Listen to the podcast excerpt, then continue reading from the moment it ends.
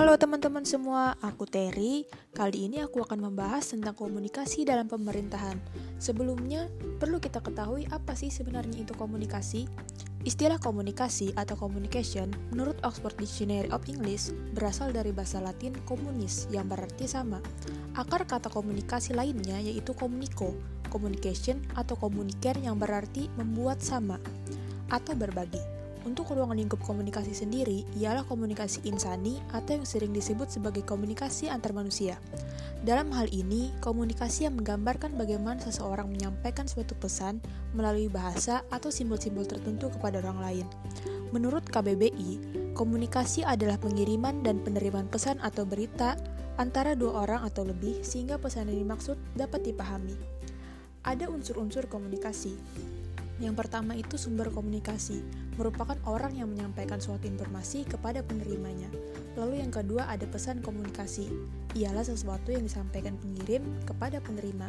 Selanjutnya media komunikasi adalah alat yang digunakan untuk memindahkan pesan dari sumber kepada penerima.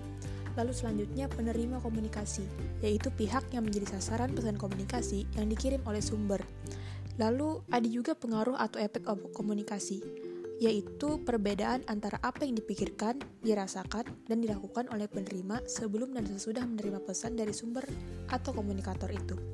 Lalu ada umpan balik komunikasi, merupakan salah satu bentuk dari pengaruh yang berasal dari penerima atau unsur komunikasi lainnya.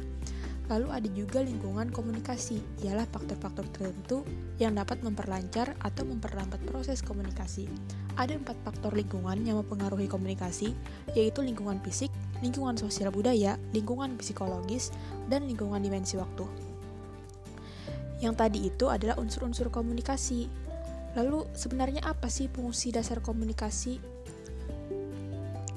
Salah satu fungsi dari kehidupan manusia, fungsi komunikasi dalam kehidupan manusia menyangkut banyak aspek, yaitu melalui komunikasi, seseorang dapat menyampaikan apa yang ada di dalam pikiran atau perasaannya kepada orang lain.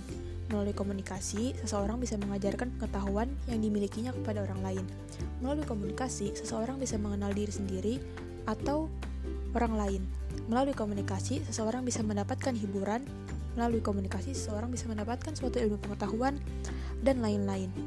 Pada hakikatnya, manusia adalah sebagai makhluk sosial, maka sudah jadi kodratnya manusia itu saling berhubungan. Maka tanpa komunikasi, manusia bukan merupakan makhluk sosial. Komunikasi berhubungan dengan seluruh aspek kehidupan manusia dan setiap studi terhadap aktivitas manusia harus menyentuhnya. Dalam kehidupan masyarakat, orang yang tidak pernah berkomunikasi dengan orang lain, maka secara otomatis ia akan terisolasi terisolasi dari lingkungannya yang tentu saja akan membawa dampak negatif terhadap dirinya.